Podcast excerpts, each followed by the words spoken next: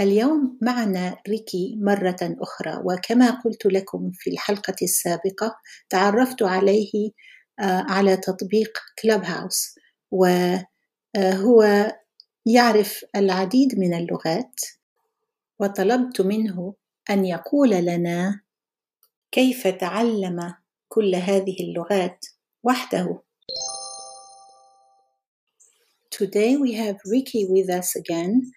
Uh, in the last episode, I told you I met him on Clubhouse, and he's a polyglot who studied many languages on his own. He's now studying Arabic, and I've asked him to uh, tell us how he studied Arabic. Ricky متعلم ماهر جدا. Ricky is a very deft learner. في الحلقة السابقة قال لنا ريكي كيف يدرس اللغة العربية وصلحنا له بعض الأخطاء واستمع إلى التصليحات واليوم سجل مرة ثانية يا ترى هل صلح كل الأخطاء؟ هيا لنستمع إليه. In the last episode, Ricky told us how he studies Arabic. And I made a few comments and corrections. Then he listened to the corrections and re recorded. Let's look at his recording this time and see if he corrected all the mistakes.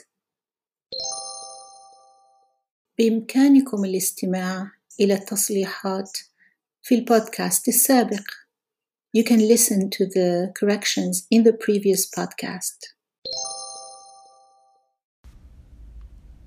أدرس اللغة العربية من خلال التحدث مع الناس وارتكاب العديد من الأخطاء أدرس اللغة العربية The on the lam of لغة is important here because it's the only way for the listener to know that there is an actual definite article before this lam, as the definite article is not pronounced at all. So the only clue is this shadda. So if you say أدرس اللغة العربية without the shadda, it would mean the language of the Arab lady or the Arab female.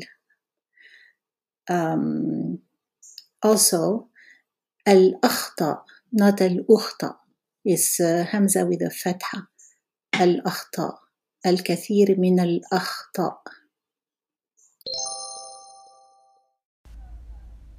كما أحب كثيرا أن أقرأ الكتاب وأستمع إلى الموسيقى.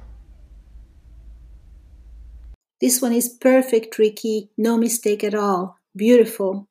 جميل جدا يا ريكي. أخيرا أترجم وأبحث عن أي شيء لا أعرفه وأكتب كل شيء لتسهيل تعلم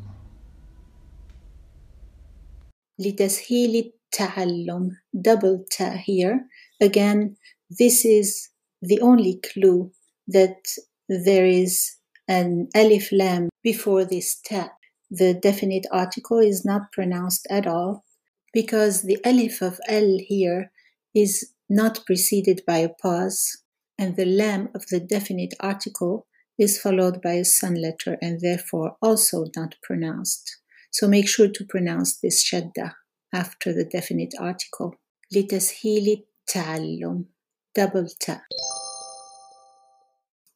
Thank you again, Ricky, for being such a good sport and participating in this uh, little experiment, which I think will be very useful to language learners in general and Arabic learners specifically. شكرا جزيلا ريكي لمشاركتك في هذه التجربة الصغيرة القصيرة أرجو أنك تعلمت منها وأنا متأكدة أن الكثير من المتعلمين سيستفيدون من الاستماع إلى هذا البودكاست. شكرا جزيلا.